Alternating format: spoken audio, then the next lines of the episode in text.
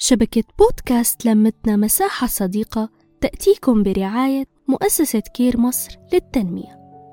مرحبا أنا آلاء رجعت لكم بحلقة جديدة من بودكاست قبل أن تتزوجي. بحلقة اليوم رح نحكي عن صفات المرأة القوية.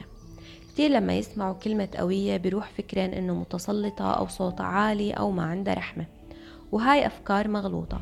فخلينا نشوف شو هي الصفات الحقيقية للمرأة القوية مشان نطمح لنكسب هاي الصفات.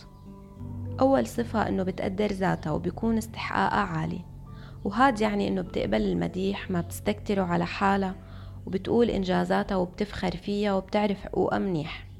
تاني صفة مستقلة يعني عندها حياة وبتنجز بنواحيها مثل الشغل والدراسة والهوايات والعلاقات الاجتماعية والرجل جزء من حياتها ما بتخليه محور الحياة لأنه هو بالنهاية رح ينخنق إذا كان هو المحور الوحيد بحياتها ثالث صفة تعرف تبسط نفسها وصديقة نفسها يعني ما بهمها تطلع لحالها على السوق أو تروح تحضر كورس أو حتى تطلع تتغدى بمكان.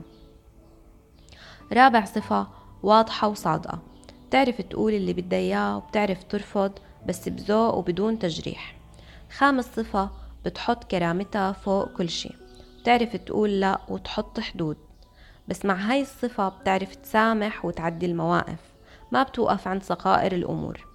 سادس صفة عندها قيم واضحة وخطوط عريضة. وهاي بتعلي جاذبية المرأة. مثل قيم حب الذات العبادات طموح.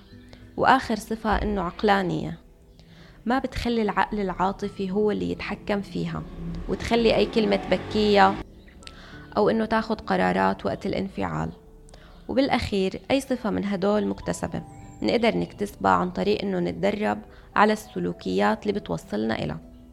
وهيك أعزائي المستمعين وصلنا لنهاية الحلقة.